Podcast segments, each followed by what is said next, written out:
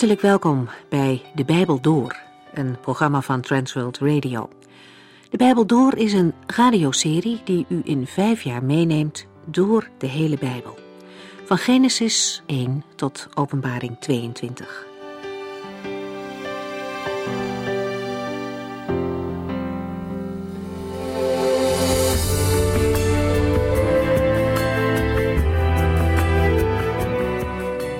Gaan vandaag verder met Lucas 19. Maar om de draad even op te pakken, kijken we kort terug naar de vorige studie in deze serie, de Bijbel door. Naar Lucas 18. Dat hoofdstuk begint met gelijkenissen. Eén over een onrechtvaardige rechter die het aanhoudende vragen van een vrouw zo beu wordt dat hij haar antwoordt. De toepassing is eenvoudig. Als een onrechtvaardige rechter al luistert en recht doet, dan kunnen we er zeker van zijn dat God ook zal luisteren en recht zal doen. Het is aan ons om door te gaan met bidden, om daar een levenshouding van te maken. De Jezus gaat verder met een gelijkenis waarin hij schijnvroomheid opnieuw aan de kaak stelt. Twee mannen bidden. De een vroom, prachtig om naar te luisteren. En de ander zoekt God. En Gods Zoon laat zien dat Hij zonder meer door uiterlijke vroomheid heen prikt. God ziet ons hart aan. Hij verhoort mensen die Hem oprecht zoeken. En mensen die weten dat ze niet uit zichzelf rechtvaardig zijn. Zij vinden vergeving. Maar mensen die denken dat God wel heel tevreden met hen moet zijn vanwege hun geweldige vroomheid, die mensen komen bedrogen uit. Zij moeten nog leren dat geen mens het eeuwige leven zelf kan verdienen, maar dat men dat alleen uit genade van God kan krijgen. Na de gelijkenissen vertelt Lucas over enkele ontmoetingen met de Heer. Kinderen worden gebracht om door deze rabbi gezegend te worden. Een rijke overste komt en zoekt het eeuwige leven. En helaas durft hij zijn rijkdom niet los te laten. Hij gaat teleurgesteld weg teleurstelling die hij had kunnen voorkomen als hij had durven loslaten wat hij toch niet voor eeuwig kan vasthouden. Dan had hij alles gewonnen. Jezus neemt daarna zijn twaalf discipelen apart om hen te vertellen dat hij zal moeten lijden en sterven, maar ook dat hij op de derde dag weer zal opstaan. Het gaat in het evangelie snel daar naartoe. We gaan verder met hoofdstuk 19.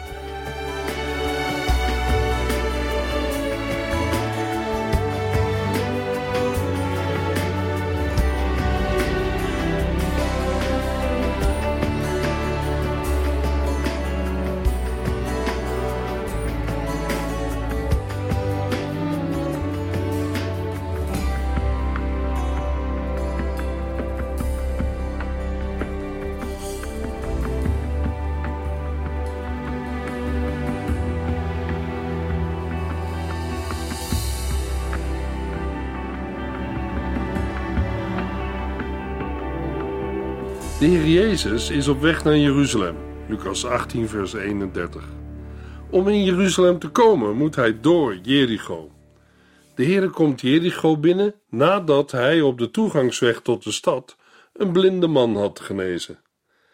Het gaat hier niet om het Jericho uit het Oude Testament, de Palmstad uit 2 Kronieken 28, maar om het nieuwe Jericho dat door Herodes de Grote twee kilometer ten zuiden van de oude stad is gebouwd. Jericho lag in een vruchtbaar gebied in de omgeving van de Jordaan.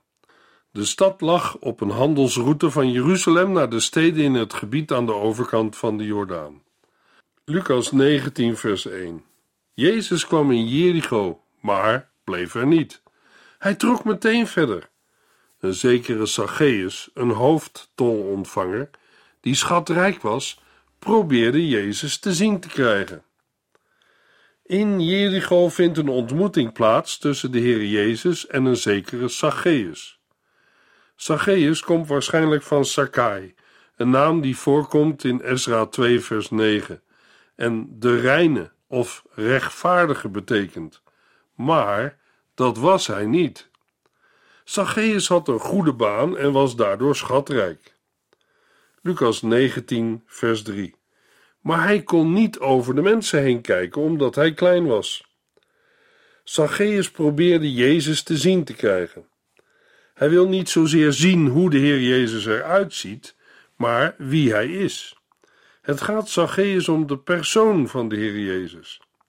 Zien houdt in de Bijbel vaak ontmoeten in. Zacchaeus wil de Heer Jezus ontmoeten. Dat is af te meten aan de blijdschap waarmee Zacchaeus de Heer ontvangt in zijn huis. Vers 6. Zijn verlangen om de Heer Jezus te zien is dan ook meer dan nieuwsgierigheid. Er was veel volk op de been. Lucas 18, vers 36. En vanwege de vele mensen kon Zacchaeus niet dicht bij de Heer Jezus in de buurt komen. De meeste mensen hadden ongetwijfeld een hekel aan tolontvangers. Daar kwam nog bij dat Zacchaeus klein van postuur was. Lucas 19, vers 4. Daarom liep hij hard vooruit en klom in een wilde vijgenboom om hem toch te kunnen zien. Zacchaeus legt zich niet neer bij de situatie, maar bedenkt dat hij wel ergens een plek moet kunnen vinden waar hij een beter uitzicht heeft. Zijn verlangen om Jezus te zien is zo sterk dat hij zich niet bekommert om wat de mensen zullen zeggen. Hij rent voor de mensen uit en klimt in een wilde vijgenboom. Tussen de dichte bladeren kon Zacchaeus zich onzichtbaar maken. Daar wachtte hij tot de heiland voorbij kwam. Lucas 19, vers 5. Toen Jezus daar langs kwam, keek hij omhoog. Hij riep Zacchaeus bij zijn naam: Zacchaeus, kom vlug uit die boom, want ik moet vandaag in uw huis zijn. Zacchaeus zal verrast geweest zijn toen Jezus omhoog keek en hem aansprak. De hoofdtolontvanger moet zich hebben afgevraagd: hoe weet de Heer Jezus dat ik hier zit? Hoe kent hij mij? We lezen vaker dat de Heer Jezus mensen kende voordat hij hen ontmoet had. Want ik moet vandaag in uw huis zijn. Het is een dag waarop de Heer iets beslissends gaat doen. Ook de uitdrukking ik moet wijst naar het plan van God met Zacchaeus. Dit moeten komt vaker in het evangelie van Lucas voor. Het heil van God komt tot Zacchaeus in de persoon van Jezus Christus. De Heere wil bij hem op bezoek komen, in zijn huis zijn. Jezus stopte niet bij het huis van een fariseer of een bijbelgeleerde, maar bij een tolontvanger. Lucas 19 vers 6 en 7 Zacchaeus liet zich snel uit de boom zakken en ontving Jezus gastvrij in zijn huis. Wat was hij blij! Maar dat was niet naar de zin van de andere mensen. Nu is hij nota bene bij die slechte man op bezoek gegaan, mopperden ze. Zacchaeus doet wat Jezus zegt en haast zich naar beneden om de heiland welkom te heten in zijn huis. Er wordt nog aan toegevoegd: wat was hij blij! Het verlangen van Zacchaeus om Jezus te zien wordt boven verwachting beantwoord. Lucas laat in de vermelding van de blijdschap van Zacchaeus zien dat het ontvangen van het evangelie met vreugde gaat gepaard. Het optreden van Jezus stuit op verzet bij de andere mensen. Zij begrijpen niet waarom hij meegaat met een tolontvanger. Hun reactie doet denken aan het mopperen van het volk Israël in de woestijn. Uiteindelijk mopperen de mensen tegen de Heere God en zijn genade. Nu is hij nota bene bij die slechte man op bezoek gegaan. Tolontvangers werden geassocieerd met slechte mensen, rovers, onrechtvaardigen en echtbrekers. Tolontvangers waren voor het volk Israël als de heidenen geworden, omdat ze voor de Romeinse bezetter werkten. Lucas 19, vers 8. Ondertussen was Zacchaeus voor de Heere gaan staan. Heere, zei hij, ik zal de helft van mijn rijkdom aan de armen geven. En als ik iemand te veel belasting heb laten betalen, zal ik hem vier keer zoveel teruggeven. Na de binnenkomst in zijn huis gaat Zacchaeus voor Jezus staan en zegt: Heer, ik zal de helft van mijn rijkdom aan de armen geven. En als ik iemand te veel belasting heb laten betalen, zal ik hem vier keer zoveel teruggeven. Zacchaeus legt een gelofte af. Hij keert zijn zondige leven de rug toe. Onder Israël voerde een echte bekering tot genoegdoening aan de mensen die benadeeld waren. Volgens Leviticus 6 moest men het eigendom van de ander teruggeven, vermeerderd met 20% van de waarde. Zacchaeus ging daar ver bovenuit. Het was voor een tolontvanger niet altijd mogelijk te achterhalen wie hij te veel had laten betalen. Mogelijk daarom besluit Zacchaeus dat hij ook de helft van zijn bezit aan de armen zal geven. Veel zal hij niet hebben overgehouden, maar hij doet dit alles vrijwillig en spontaan en geeft daarmee blijk van een diepgaande verandering in zijn leven. Zacchaeus was een nieuw mens geworden. Lucas 19, vers 9 en 10. Jezus zei tegen hem: Er is vandaag redding gekomen in uw huis. Nu bent u echt een zoon van Abraham. Ik, de mensenzoon, ben gekomen om afgedwaalde mensen te zoeken en te redden. De heer Jezus zegt Zacchaeus redding toe. Deze redding houdt in de eerste plaats de vergeving van zonden in en het herstel van de relatie met God en de relatie met het volk van God. Deze redding is er direct, maar vindt pas haar volledige vervulling in het toekomstige koninkrijk van God. Jezus verklaart dat er redding is gekomen in het huis van Zacchaeus. Ook de huisgenoten van Zacchaeus worden erbij betrokken. Door zijn levenswijze had Zacchaeus ook schuld op zijn familie geladen. Nu mogen zij ook delen in de vergeving die hij ontvangt. Ook Zacchaeus is een zoon van Abraham. Ook al wordt hij door het volk voor een heiden gehouden, zijn veranderde leven laat zien dat hij echt bekeerd is. Zacchaeus is een voorbeeld van iemand die laat zien: geloof dat niet uit daden blijkt, is geen geloof. Het is dood en zinloos. Jacobus 2, vers 17. Iemand zou kunnen zeggen: Och, het hangt er maar vanaf hoe je het bekijkt. De een legt de nadruk op het geloof, de ander op de daden. Wel, als dat zo is, hoe kunt u mij dan uw geloof laten zien, als dat niet uit daden blijkt? Ik zal u mijn geloof laten zien uit wat ik doe. Jacobus 2, vers 18.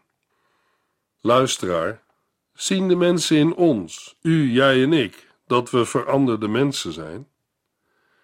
In vers 10 zegt Jezus waarom hij in de wereld gekomen is. Hij noemt zich de mensenzoon en beschrijft zijn bemoeienis met Zacchaeus in termen die doen denken aan de herder die de verloren schapen van zijn kudde zoekt. Zo verklaart Jezus zijn omgang met zondaars. Hij zelf is de herder die in de eerste plaats kwam voor de verloren schapen van het huis Israëls. Het verlorenen zijn de mensen die verloren gaan. Lucas 19, vers 11. Omdat Jezus niet ver meer van Jeruzalem was, dachten velen dat de bevrijding van Israël nu wel vlug zou komen. Daarom vertelde Jezus een gelijkenis. In aansluiting op het voorgaande vertelt de Heer Jezus een gelijkenis. Waarschijnlijk is Jezus hier nog in het huis van Zacchaeus. Hij voegt een gelijkenis toe aan wat hij eerder had gezegd. De reden waarom Jezus deze gelijkenis vertelde, was dat hij op het punt stond Jericho te verlaten en dat zijn toehoorders een verkeerde conclusie trokken uit het feit dat hij Jeruzalem naderde. Ze dachten dat bij zijn komst in Jeruzalem het koninkrijk van God zou verschijnen. Ze hadden gehoord dat het koninkrijk op een verborgen wijze reeds gekomen was en ze verwachten nu de zichtbare verschijning ervan. Maar hij komt naar Jeruzalem om te sterven en laat zien dat het koninkrijk pas later komt. Lucas 19, vers 12. Een edelman werd weggeroepen naar een ver land om tot koning te worden gekroond. Na de kroning zou hij weer terugkomen. Deze gelijkenis van de ponden heeft verschillende punten van overeenkomst met de gelijkenis van de talenten in Matthäus 25. In de gelijkenis vertelt Jezus van een edelman die naar een ver land reist om daar tot koning te worden gekroond. De reis naar een ver land suggereert dat het enige tijd zal duren voordat de edelman als koning terugkeert. De edelman vertegenwoordigt de Heer Jezus Christus. Hij zal het koninkrijk van zijn vader ontvangen. Hij kwam de eerste keer als redder. De volgende keer zal hij komen als koning. Lucas 19, vers 13 en 14. Voordat hij vertrok, riep hij tien van zijn medewerkers bij zich. Hij gaf ieder van hen tien goudstukken om daarmee handel te drijven. Maar er waren mensen in zijn land die een hekel aan hem hadden. Die stuurden een delegatie achter hem aan met de mededeling dat ze in opstand waren gekomen. Ze zouden hem niet als koning erkennen. Voordat hij weggaat, roept de edelman tien van zijn medewerkers bij zich. Aan elk van de tien medewerkers geeft hij een pond. Een pond is een groot bedrag. Het is ongeveer drie keer het maandloon van een arbeider. De medewerkers ontvangen allemaal hetzelfde bedrag. De nadruk ligt op de wijze waarop de knechten met het hun toevertrouwde aandeel omgaan, of zij daarin trouw zijn of niet. Ze krijgen de opdracht handel te drijven of zaken te doen met het pond totdat hun meester terugkomt. In deze gelijkenis komen niet alleen medewerkers van de edelman voor, maar ook burgers van het land waarover hij koning zou worden. Deze burgers haatten hem en probeerden daarom zijn aanstelling te verhinderen door een delegatie te sturen naar de instantie die hem zou aanstellen. Ze zouden hem niet als koning erkennen.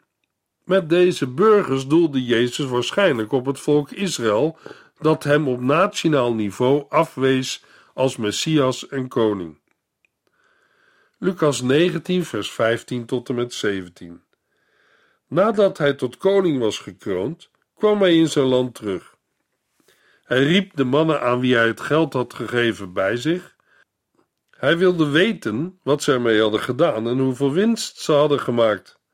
De eerste had de enorme winst gemaakt, wel tien keer het bedrag dat hij had gekregen. Fantastisch, riep de koning uit. Je bent een goede medewerker. Je hebt het weinige dat ik je heb toevertrouwd goed beheerd. Ik maak je gouverneur over tien steden. Nadat de edelman als koning terug is gereisd, geeft hij bevel dat de medewerkers bij hem moeten komen. De koning wil weten wat ze met zijn bezit hebben gedaan. Hij wil weten of ze goede zaken hebben gedaan. De eerste die voor zijn heer verschijnt, kan hem het tienvoudige van het pond teruggeven. Een dergelijke grote winst was goed mogelijk in de economische omstandigheden van Israël. De koning verheugt zich en zegt: Fantastisch! De medewerker wordt geprezen vanwege zijn trouw. Hij is in weinig getrouw geweest. Zoals de Heer met deze knecht omgaat, overtreft alle verwachtingen. De medewerker krijgt van hem het gouverneurschap over tien steden. Lucas 19, vers 18 tot en met 27. De volgende man had ook veel winst gemaakt. Vijf keer het bedrag dat hij had gekregen. Prima, zei de koning. Jij wordt gouverneur over vijf steden. Maar de derde man bracht alleen maar het geld terug waarmee hij was begonnen. Ik heb het in een doek gedaan en goed bewaard, zei hij. Ik was bang dat ik mijn winst aan u zou moeten afdragen. U bent immers een hard man. U neemt wat u niet hebt verdiend. U laat anderen voor u werken. De koning antwoordde: Ben ik hard? Nu, dat zal je dan merken. Je bent een slechte medewerker. Als je zo goed weet hoe ik ben, waarom heb je het geld dan niet op de bank gezet? Dan zou ik het nog met rente hebben teruggekregen. Tegen de lijfwacht zei hij: Neem hen het geld af, geef het aan de man die de meeste winst heeft gemaakt. Maar koning, antwoordden ze, die heeft toch al genoeg? Ja, zei de koning, zo is het nu eenmaal. Wie veel heeft, krijgt er meer bij. Wie weinig heeft, raakt ook dat beetje nog kwijt. En breng nu mijn vijanden die in opstand zijn gekomen hier en dood hen voor mijn ogen. Niet alle tien medewerkers passeren de revue. Het gaat er alleen om dat het contrast gezien wordt tussen de twee trouwe knechten en de derde. De derde medewerker geeft het pond terug en vertelt dat hij het in een doek had bewaard. Waarom? Hij was bang voor zijn meester. Hij vertrouwde zijn meester niet. Met deze woorden schrijft hij in feite de oorzaak van zijn falen aan zijn heer toe en niet aan zichzelf. Volgens hem was zijn meester onrechtvaardig en iemand die het onmogelijke vroeg. Iemand die wil nemen wat hij niet gegeven heeft en wil oogsten wat hij niet heeft gezaaid. Maar het is een karikatuur, want in werkelijkheid was de koning juist iemand die rijkelijk beloont. Voor elk pond dat zij verdienden, kregen ze een stad. De derde man heeft het vertrouwen van de koning beschaamd. Daarom vertrouwt de koning hem nu niets meer toe. Lucas 19, vers 28. Nadat hij dit verhaal had verteld, ging Jezus met zijn leerlingen verder naar Jeruzalem. De heiland gaat verder naar Jeruzalem om zichzelf over te leveren in de handen van zijn vijanden. Lucas 19, vers 29 tot en met 34. Toen hij in de buurt van de Olijfberg kwam en bijna bij de dorpen Betfage en Betanië was, stuurde hij twee van zijn leerlingen vooruit. Ga naar het dorp daar, zei hij.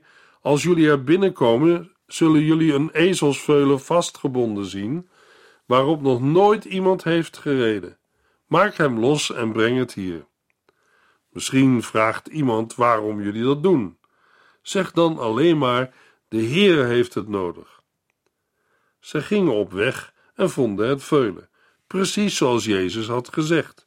Ze maakten het dier los. Daar kwamen de eigenaars al aan. Wat moet dat? vroegen ze. Waarom maken jullie ons veulen los? De Heer heeft hem nodig, antwoordden de leerlingen. De evangelisten Lucas, Marcus en Matthäus staan vrij lang stil bij het verkrijgen van een rijdier voor de intocht van Jezus in Jeruzalem. Ze zullen hiermee hebben willen laten zien dat de Jezus inzicht kon hebben in een situatie waar hij niet bij was. Wat hij gezegd had bleek waar, want de leerlingen vonden de ezel en konden deze meenemen. Ook wordt uit dit gedeelte duidelijk dat de intocht van de Jezus volgens zijn eigen plan verloopt. Jezus laat zijn gezag gelden. Lucas 19, vers 35 tot en met 38. Ze brachten het veulen bij Jezus en legden hun jas erover, zodat hij erop kon zitten. De anderen spreidden hun jassen voor hem uit op de weg. Toen hij de helling van de Olijfberg opging, begonnen al zijn volgelingen te zingen en te jubelen. Zij prezen God voor de geweldige wonderen die zij Jezus hadden zien doen. Gezegend is de koning, hij die komt in de naam van de Heere. Vrede in de hemel. Prijs hem tot in de hoogste hemelen. De mensen hebben de volle betekenis van de intocht niet begrepen. Een paar dagen later schreeuwen de mensen: kruisig hem. Ook zijn leerlingen begrepen het pas later. Lucas 19, vers 39 en 40. Maar enkele fariseeën die tussen de mensen liepen, zeiden tegen Jezus: Meester, zeg toch tegen uw volgelingen dat ze hun mond houden. Als zij hun mond houden, antwoordde Jezus, zullen de stenen gaan roepen. Hebreeën 9, vers 28 zegt: Zo zeker zal Christus, nu hij gestorven is om de zonde van vele mensen weg te nemen, zonder zonde terugkomen.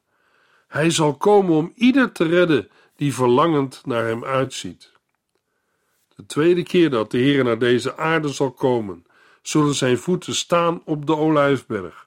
Zacharia 14. Dan zal de Heer in triomf Jeruzalem binnengaan. Maar dat zal bij zijn tweede komst zijn. Zijn eerste intocht in Jeruzalem bracht hem naar het kruis om voor de zonde van de mensen te sterven. Door zijn dood en opstanding wordt ons redding aangeboden. Lucas 19, vers 41 en 42. Jeruzalem was nu niet ver meer. Zodra Jezus de stad zag liggen, begon hij te huilen. Hij zei: Jeruzalem, kon juist u vandaag maar inzien wat er nodig is voor vrede, maar u ziet het niet. De heiland is niet bedroefd over zichzelf, maar vanwege wat er met de stad en haar inwoners zal gebeuren. Ook profeten in het Oude Testament hebben zulk verdriet gehad, omdat ze wisten van het onheil dat zou komen vanwege hun ongehoorzaamheid. Lucas 19, vers 43 en 44. Nu is het te laat. Straks zullen uw vijanden u belegeren, u omsingelen en van alle kanten tegen u opdringen. Zij zullen u en uw inwoners vertrappen. Zij zullen geen steen op de andere laten. Want God heeft u de kans gegeven, maar u hebt die laten voorbijgaan.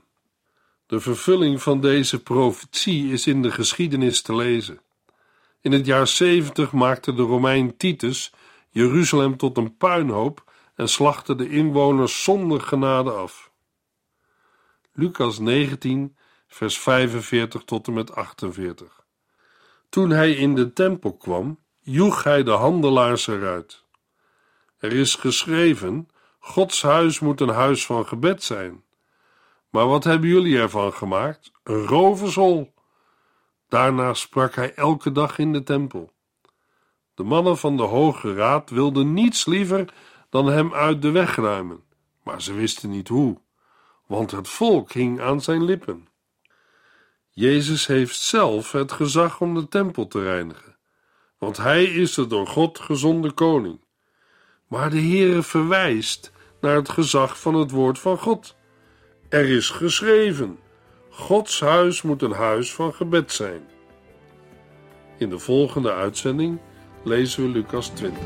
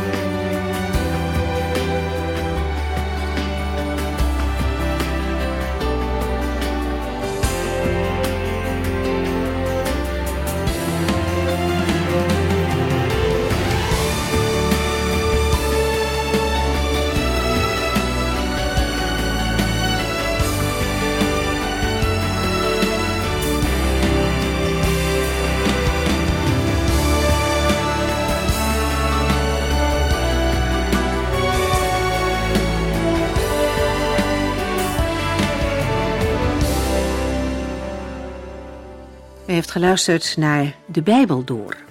In het Nederlands vertaald en bewerkt door Transworld Radio. Een programma waarin we in vijf jaar tijd de hele Bijbel doorgaan. Als u wilt reageren op deze uitzending of u heeft vragen, dan kunt u contact met ons opnemen. Tijdens kantooruren kunt u bellen op 0342 47 8432. 0342 47 8432. 32. Ook kunt u een e-mail sturen naar de Bijbel door transworldradio.nl en natuurlijk kunt u ook via de post ons bereiken. TWR, postbus 371, postcode 3770, AJ in Barneveld. Dit programma werd gepresenteerd door Cor Weda en Ike André. Techniek was in handen van Odin van Woerdekom. En wij allemaal bedanken u voor het luisteren. Graag tot de volgende keer.